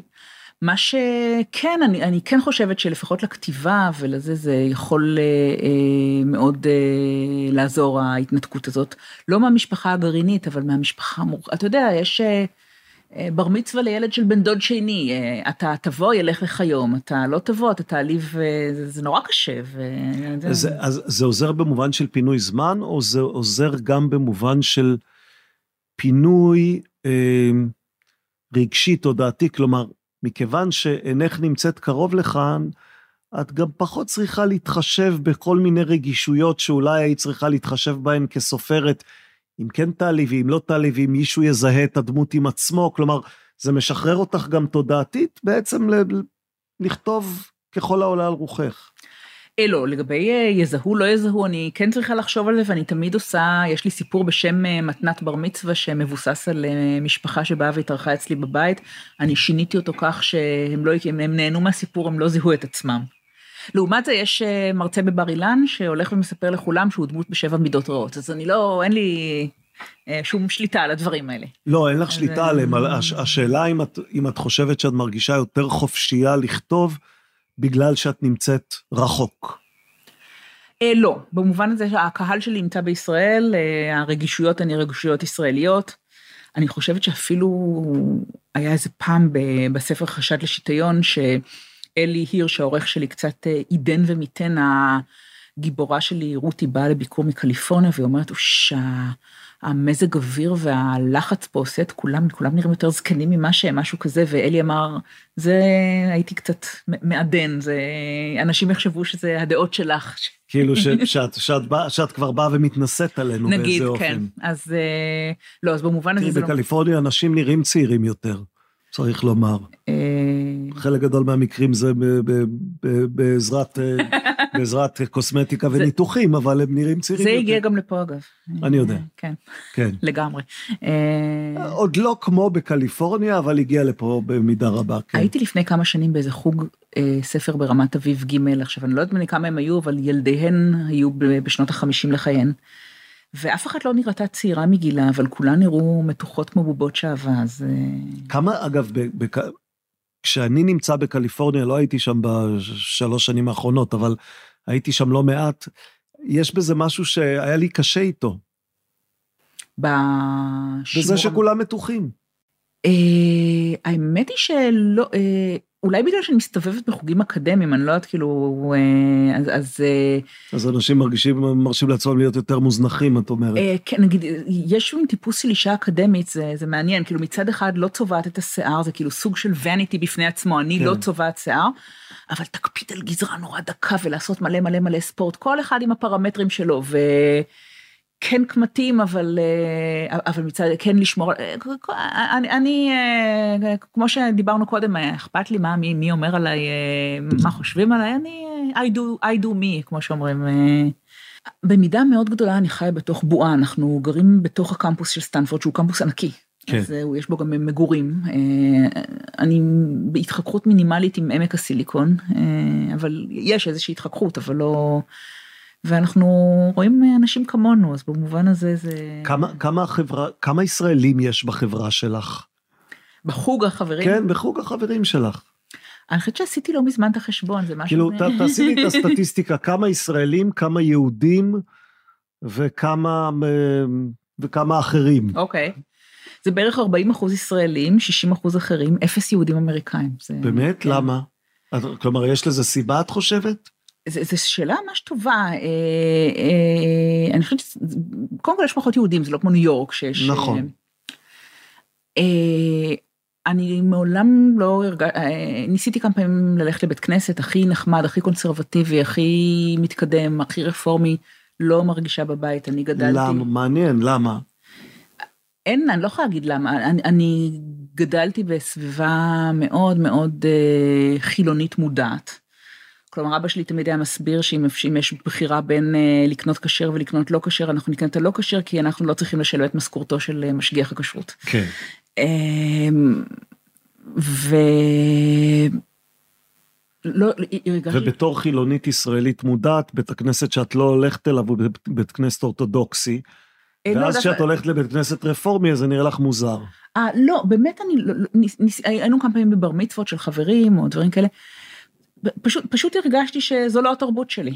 כמו שכשהלכתי לטקס אה, קונפירמציה של אה, יל- ילד של חברים קתולים, אה, ישבתי, היה מאוד מעניין, היה, אבל זה, זה לא התרבות שלי, אני לא... אז במובן הזה, אז אין לי כל כך... אה, אה, חיבור ליהדות, אה, אה, ליהודים כן. אמריקאים. כן, ואיכשהו לא, לא יצא. עכשיו, לגבי ה-60 אחוז האחרים, אני חושבת שיש שם מעט מאוד אמריקאים, פשוט כי בעמק הסיליקון יש נורא מעט אה, אמריקאים אמריקאים. כן, אז אה, כן. יש איראנים, יש בריטים, יש קצת גם אמריקאים. אה, בסדר, אני חושבת שביום הראשון בתיכון, שהיה מין טקס להורים, אז ביקשו מכל ההורים שגמרו תיכון מחוץ לאמריקה לקום על הרגליים, ופשוט איזה עשרה אחוז נשארו לשבת. זה- שזה גם משהו מאוד מאוד נוח, לחיות ב... בקהילת מהגרים בעצם. כן, כן, פעם שאלתי את הבת שלי, היא מרגישה מוזר שיש לה הורים מהגרים, שהם מדברים במבטא מצחיק, היא הסתכלה כלומר, עלינו. לא לכולם יש בדיוק, הורים. מהגרים שיש להם לאף מבטא אחד מצחיק. אין, כן, כן. כן, במובן הזה, אבל את חיה באמת במקום שהוא סוג של בועה ב- בתוך אמריקה נכון, גם. נכון, נכון. כן. ואת אוהבת, את אוהבת את זה? מאוד, כן. זה, יש בזה משהו מאוד אה, נחמד, כן. שלבנות יש חברים שההורים מאיראן ומהודו ומכל מיני... ואין לך תחושה ש, שאין קהילה עם איזה תרבות, כלומר, לא חסרה לך תרבות שהיא תרבות של כולם? לא, זה מעולם לא היה חסר לי, גם לא בישראל. אה, היום בישראל יש תרבות של כולם? לא. יש אה, תתי אה, תרבויות. לא, אבל יש, אני חושב, עדיין איזה, איזה מין מכנה משותף ישראלי, קצת אמורפי, שהוא, שהוא בכל זאת, אפילו העברית, שהיא היא כל כך חזקה פה. כלומר, יש פה איזו הוויה משותפת לכולם.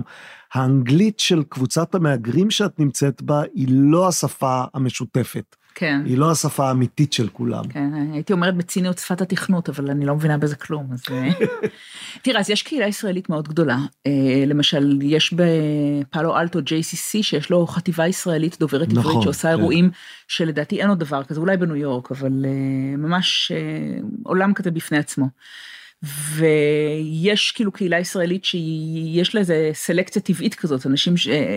מישהי פעם אמרה לי שהיא גרה במקום קטן באמריקה, ושם פשוט אה, היו עשרה, עשרה זוגות ישראלים, והייתה החברה שלהם אה, בלית ברירה, והיא אמרה, כאן בפאלו אלטו אני יכולה לבחור, אין פה אף אחד שאני חברה שלו, שלא הייתי בוחרת גם להיות חברה שלו בישראל. כן. אז, אה, במובן הזה יש, יש קהילה ויש אנשים נהדרים. ואת אוהבת להיות חברה של ישראלים באמריקה? כלומר, הרי גם פה, אם שוב נחלק איזה חלוקה דיכוטומית, אז יש את הישראלים שנוסעים לאמריקה ואומרים, אני רוצה להיות באמריקה, אבל בקרב ישראלים, ויש את אלה שנוסעים לאמריקה ואומרים, אני נוסע לאמריקה כדי לברוח מישראלים. אז גם במובן הזה אני עברתי תהליך. בגיל 23 נסעתי ללמוד באנגליה, ואני זוכרת שאמרתי, אני לא רוצה לראות ישראלים, אני באתי לברוח, אני... ועד שהגעתי לאמריקה, אה, כמעט עשר שנים מאוחר יותר, כבר אה, עברתי בין השאר דרך אה, לגור בז'נבה, ששם הכרתי, לעבוד שם באוניברסיטה, ושם היה אדם אחד, חוץ ממני שדיבר עברית, אז הבנתי מה זה, זה היה מאוד נחמד פתאום לבוא למקום שיש בו הרבה ישראלים ולהיות בקהילה, ואני גם... יותר ויותר חלק ממנה, נגיד, הרבה פעמים אני עושה, עשיתי שם השקה לספר האחרון שלי ובאו אה, כ-60 איש, שזה כן. מאוד יפה. אה, אני מדי פעם מלמדת כתיבה יוצרת לישראלים בעברית ב-JCC. פשוט כי אני יודעת שאם אה, אני לא עושה את זה, אז אה, לא יהיה עברית. אז אני, אני גם, אתה יודע, זה עוד מורשת הקיבוץ כזה, שאם אני לא אהיה בוועדת קישוט אז לא יהיה... כן, אני אשאל-. אני שאלה שהניסוח שלה הוא קצת מוזר, אבל אולי תבין למה אני מתכוון. את, את אוהבת ישראלים? כן, כן? כן. מה, מה את אוהבת בהם? אני אוהבת אותם כאינדיבידואלים, אבל... לא, אה, בסדר, זה שיש לך חברים ישראלים שאת אוהבת, זה, אבל האם את אוהבת את הדבר הזה שהוא, הרי יש איזה משהו שהוא, הישראליות יש, יש, יש לה איזה מאפיינים שלה שאפשר אה, לשבת. נכון, אז, אז אה, יש שם מאפיינים טובים יותר, טובים פחות. אני אוהבת את ה... אני אוהבת את ה... בלתי, אמת- חוסר האמצעיות, את היכולת אה, ככה באמת לתקשר ברמה מאוד... אה, תשמע, אני- נולדתי בישראל, אני גדלתי בישראל, אני, זה, זה- זה הסביבה זה, שלי. זה, זה יכול להיות, כלומר, זה יכול לגרום לך לאהוב ישראלים, או נכון, לא, נכון. לא, לא נכון, להיות מסוגלת לשאת נכון. אותם. ב- ב- בקבוצת הכתיבה יוצרת שסיימתי זה עתה, אז אה, הרבה מהשיחות שלנו, כי כל, כל, כל שבוע נפתח במישהו, אנשים מביאים משהו שקרה להם השבוע, אז אה, עסקו בתסכול בלהבין את הדיבור המרומז האמריקאי. ככה, מה הם התכוונו. האם ככה זה אמריקאים או שהאיש הזה משוגע? אה, אני ממש זוכרת עוד איך אה, פעם שבכל זאת רציתי שהילדות ידעו קצת יותר על תרבות עברית, הבאתי אותן לחגיגת חנוכה בהלל בקמפוס. והרבה ככה חייכה אלה במתיקות ואמרה, אוי, איזה יופי לראות אותך, באמת חשבתי שפעם צריך לעשות פה גם אירוע לילדים, ו... ורק בדיעבד אני הבנתי שהיא נוזפת בי, מה אני מביאה ילדות ילדים, קטנות כן. לאירוע שמיועד לסטודנטים. כן. אז עם ישראלים אין את זה. יש, אתה, מה שאתה רואה זה מה שאתה מקבל, ו... אגב, כמו ששאלתי אם את אוהבת ישראלים, אז אני, אני יכול לשאול את השאלה, האם את אוהבת אמריקאים? התשובה היא לא כל כך, נכון? כלומר, יש בהם משהו שהוא... אני פחות, נורא קשה, תראה, אני מאוד אוהבת אותם אה, כאינדיבידואלים, אחד אחד, אבל, אבל יש, אה, יש המון דברים שאני לא מסוגלת אה, לקרוא ולהבין, ואחרי אה, המון שנים שם זה נורא מתסכל, כן. אה, את חושבת שאת לא מסוגלת להבין אותו כי לא העמקת חקור, כלומר, כי לא עשית מאמץ מספיק גדול, או שאת חושבת שזה מסוג הדברים שאם לא, אם לא, היית, אם לא גדלת שם בילדותך, זה פשוט, זה מחסום בלתי עביר. אה, זה יותר לכיוון השני, כן. ואני יודעת שיש לי חברות שאולי, אתה יודע, נשואות לאמריקאים. חלק מהעניין זה שאני אה, קמה בבוקר, מדברת עברית בבית עם אה, בן הזוג והבנות, יושבת, כותבת בעברית כל היום. אז החיכוך שלי עם התרבות האמריקאית הוא די uh, קטן. זה, זה, נניח את מסתכלת עליהם ואת אומרת, הייתי רוצה להבין אותם יותר, או את מסתכלת עליהם ואת אומרת, האמת, הם לא נראים לי מספיק מעניינים בשביל שאטרח להבין אותם יותר. אה, הייתי מאוד רוצה לדעת לקרוא את כל הדברים. כל ה... מסיבות של תועלת או מסיבות של עניין? עניין, עניין. היה איזה פעם שאני רציתי להביא אה, אה, ספרים תרומה לספרייה. באזור עשיר כזה אנשים תורמים את הספרים שהם לא צריכים לספרייה, מוכרים את זה וקונים בזה ספרים חדשים. והיו שם מתנדבות והיה להן כללים אה, מאוד אה, ספציפיים איך לסדר את הספרים בקופסאות לפני שאתה מביא אותם לתרומה, ואני לא סידרתי אותם כמו שצריך. והן נזפו בי, אבל הן נזפו בי בחיוך מתחת לשפתיים מהודקות, כבר הבנתי שהן נוזפות בי וזה, ואני התנצלתי שאני לא סידרתי את זה בדיוק כמו שהיה צריך, אמרתי, אני פשוט עוברת פה בדרך אה, לאסוף את הבת שלי מבית ספר, אז היא ככה מסתכלת עליה ואומרת לי, then why don't you come another day? ככה, והכל במין חיוך כזה, אבל מין למה שלא תבואי ביום אחר, ו... פשוט שבוע אחרי זה הייתי בביקור בישראל והלכתי לאסוף מדוכני שבוע הספר איזה אה, חוברת שהשתתפתי בה, אמרו לי אפשר לאסוף את זה מהדוכן. באתי לדוכן אז המזכירת ההוצאה, לא מה פתאום, כאילו ככה, אה? אבל נתנה לי את הספר. כלומר, שם החיוכים חיוכים ואת לא תתרמי את הספרים. פה יצעקו עלייך וייתנו לך את זה. כן. אז אני רגילה לזה, מה לעשות? אגב... הייתי שמחה שהיו לא, גם לא צועקים וגם נותנים את הספר, אבל... אה, אחרי 30 שנה את ישראל, את בטוחה שאת מבינה? שאלה מצוינת.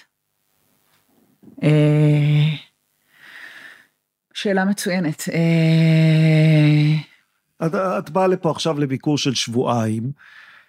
זה ברור לגמרי שאת נוחתת כאן כאילו ל... כמו, כמו, לא יודע, תרנגולת שחוזרת אל הלול שלה, המוכר והנוח. ומצד שני, אולי, את יודעת, אולי בלי ששמת לב, ברחנו לך לאיזה מקום אחר. תראה, זה שדברים משתנים זה ודאי, ו... אבל אני חושבת לא, בסדר, זה גם, זה גם אני רואה ואני, ואני נמצא פה כל יום. אה, השאלה אם יש דברים שאת לא רואה. היא מאוד יכול להיות, ואז אני לא רואה אותם, ואז אולי יום אחד אני אפגוש אותם, אבל אני חושבת שלגבי מה שדיברנו קודם, מבנה העומק הזה, אה, ישראלים לא עברו לדבר בפאסיב אגרסיב. לא. הם, עדי, הם עדיין לא. אה, מוציאים הכל. כן, למרות שהם עברו לעשות ניתוחים פלסטיים, את השפה הם לא שינו. יותר את התרבות, את ה... כן, את ה... אבל כן, קורה לפעמים שאני שואלת אה, את האחיות שלי, אה, תגידו, זה נורמלי להגיד ככה, או זה, או אפילו אני מתייעצת אה, בענייני ספרות. זה הגיוני שמישהו מהדור שלי יגיד, הם תכונים במובן שיש להם הרבה כסף.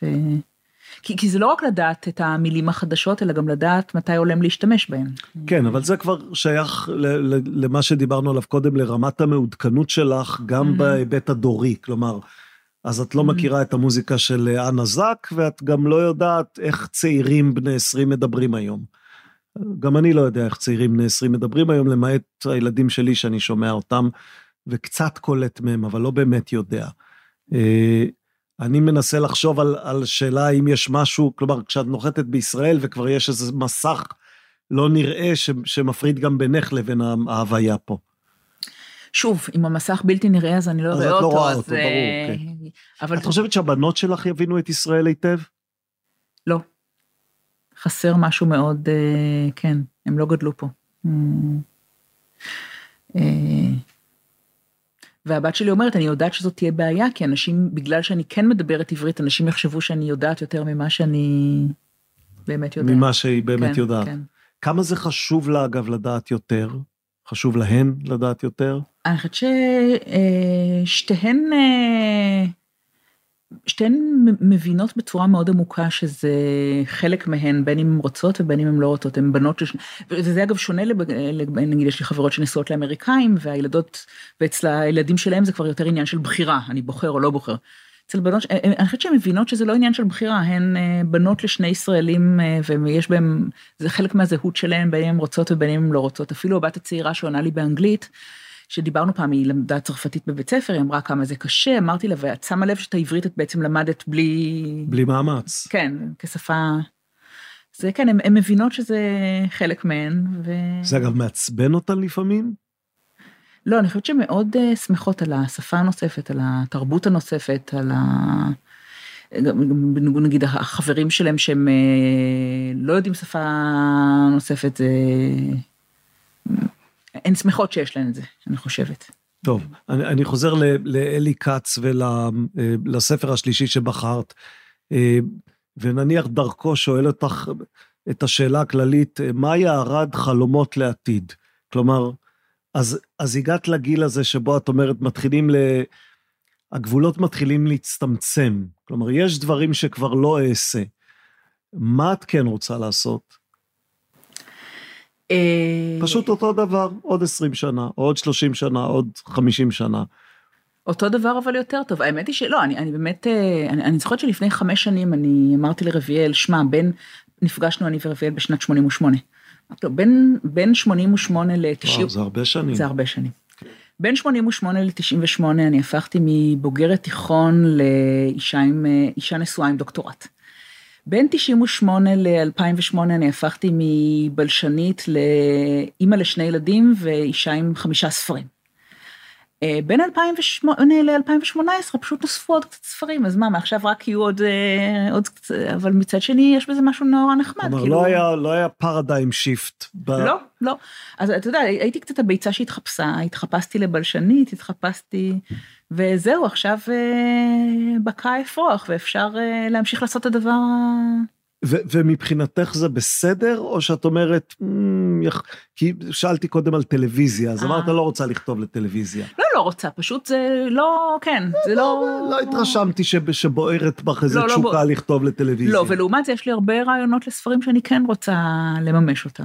כן, אז מבחינתך, אם זה פשוט, כלומר, מאיה, תמשיכי לכתוב ספרים, הכל בסדר, מכאן ועד, ועד, וכל עוד תוכלי, אז זה בסדר. ודאי, כן, ויותר מזה, אתה יודע, יש, אה, אה, לפעמים מתלוננים על סופר, הוא מאוד מוכשר, אבל הוא עושה תמיד אותו דבר, ואני אומרת לעצמי, אם הבן אדם עושה את זה טוב, אז מה רע בזה? לא יודע, אולי זה משעמם באיזשהו שלב לעשות אותו דבר. אולי, אבל אה, אני לא חושבת שמישהו האשים אותי שהספרים שלי אותו דבר, אז... לא, אבל, אבל, אבל המלאכה היא אותה מלאכה, לא, זה אגב, זו שאלה מעניינת, כלומר, האם באיזשהו שלב תגידי, טוב, כבר, כבר כתבתי 20 ספרים, זה, זה משעמם אותי לכתוב עוד ספר. או שהגיבורים כל כך מעניינים אותך, שאתה אומר, הספר הוא, זה רק הדבר הטכני, מה שמעניין אותי זה הסיפור, והסיפור משתנה מספר לספר. תמיד כשאני עובדת וכשאני רוצה, אז אני נורא נורא ממוקדת מטרה, ממוקדת ספר, נגיד, אה, אה, כש, אפילו כשהתחלתי, והיו לי ניסיונות כתיבה בוסריים שלא הצליחו, שבאמת היו מין, ישבתי מול נייר ושפכתי עליו.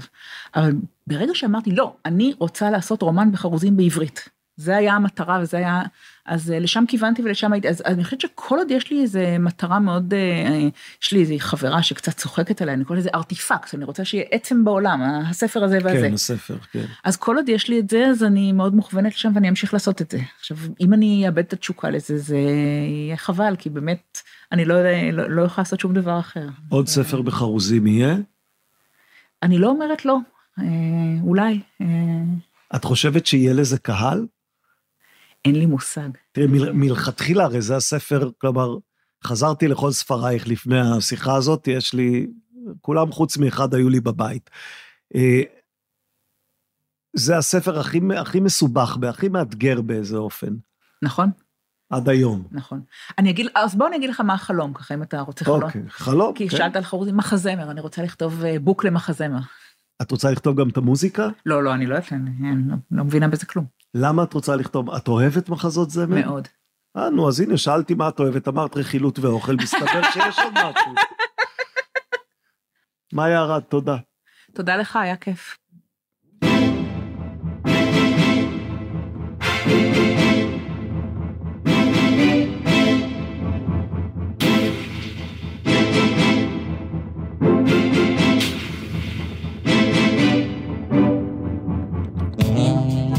הקיפוד והשועל מקווים שנהנתם מהשיחה עם הסופרת הנפלאה, מאיה ארד. עכשיו נגיד עוד כמה מילים על הבקשה שלנו שתשלחו שאלות, זוכרים אותה? מתחילת הפרק לא בקשה, הצעה. בגלל שיש כבר לא מעט מאזינות ומאזינים להסכת של הכיפות והשועל, ובגלל שכמה מהם כבר שלחו איזו שאלה, חשבתי לבדוק אם פרק שכולו שאלות של מאזינות ומאזינים ותשובות שלי יכול לצאת מעניין. שמעתי כמה הסכתים מרחבי העולם שיש להם פורמט כזה, פורמט של שאלות ממאזינות ומאזינים ותשובות של מי שמנחה את הפודקאסט. איך זה עובד? כשתבואו לאתר שלנו, kipshu.com, kipshu.com, לכו לכפתור צור קשר ושילחו מייל עם שאלה. אם יש לכם שאלה, על מה אתם יכולים לשאול? על המיזם הכיפות והשועל, על פודקאסטים, על האורחים שלנו, על ספרים, על בחירת ועריכת ספרים, על עיתונות, על החברה הישראלית, חרדים, חילונים, יהדות ישראלית, יהודי אמריקה, על קריאת ספרים, על כתיבת ספרים, על אתר המדד, על דונלד טראמפ, על טדי רוזוולט, על הופעות בטלוויזיה, על סקרנות, על רעיונות, על מחקרים שעשיתי ועוד אעשה, מה שאתם רוצים, ואם אתם לא רוצים, גם זה בסדר. זה לא אומר שאתם פטורים מביקור באתר. כשאתם מבקרים באתר, kipshu.com, השאירו כתובת מייל ותקבלו פעם בחודש את הניוזלטר שלנו, כי קורים אצלנו דברים חדשים כל הזמן, וכדאי לכם לדעת. ואנחנו מתחייבים רק פעם בחודש, כך שזה לא יציק לכם, אבל כן יזכיר לכם מעת לעת שאפשר לשאול אותנו שאלות, או סתם להתעניין במה שאנחנו עושים. את הספרים החדשים שלנו חפשו בחנויות או אצלנו באתר, או באתר של הוצאת כנרת שמוציאה את ספרי הכיפות והשועל עד לסוף שנה זו. אחר כך הם יצאו במתכונת קצת אחרת, אבל עוד יהיה זמן לדבר על זה. או שתחפשו אותם באתר של עברית. עברית הם השותפים שלנו להסכת. עברית הוא אתר התוכן הספרותי הגדול בישראל, המציע לקרוא בכל דרך ספרים דיגיטליים, קוליים ומודפסים. בלי דולב אזולאי מעברית, לא היינו יכולים לעמוד במשימה, אז תודה לדולב, ותודה גם ליעל לוינובסקי שהצטרפה ממש לאחרונה לצוות. שני הספרים האחרונים שלנו נקראים תהיו חכמים, זה ספר של שמוליק פאוסט, שמזקק חוכמת חיים עדכנית למאה ה-21 מתוך חוכמת חכמי התלמוד, המדרש והאגדה. הספר השני שהוצאנו נקרא אומנות המקל והגזר של פרופסור אורי גניזי. זה ספר שיבהיר לכם מה גורם לאנשים לעשות כל מיני דברים, ומה גורם להם לעשות בדיוק את ההפך ממה שהתכוונתם. תהיו חכמים, שמואל פאוסט, אומנות המקל והגזר, אורי גניזי, ואם כבר נזכיר גם את השניים שלפניהם, שבע אגדות שלנו, היסטוריה ישראלית במבט חדש של עופר אדרת, וגם חי, חי, סימן קריאה של קרל זימר, זה ספר על השאלה מהם החיים. במה שונה חי מלא חי? זו לא שאלה שקל להשיב עליה. וזהו. עד כאן להיום. תודה למאיה ארד על הספרים היפים שלה, תודה לה גם על הזמן שהקדישה לנו, תודה לכם על שהאזנתם. זכרו שיש לכם הזדמנות לשאול משהו, ואני מקווה שהפרק הבא של ההסכת, בערך בעוד שבועיים, יתבסס על שאלות שלכם ועל התשובות שלי. עד אז, יום טוב, שבוע טוב, חודש טוב. מקווה שהייתה שעה טובה. מקווה שהייתה מעניינת. מקווה שיש לכם קצת זמן לנוח בקיץ, לקרוא ספרים, להאזין להסכתים, לרבוץ בים, לעבוד בגינה. מה שאתם אוהבים לעשות, להשתמע בקרוב.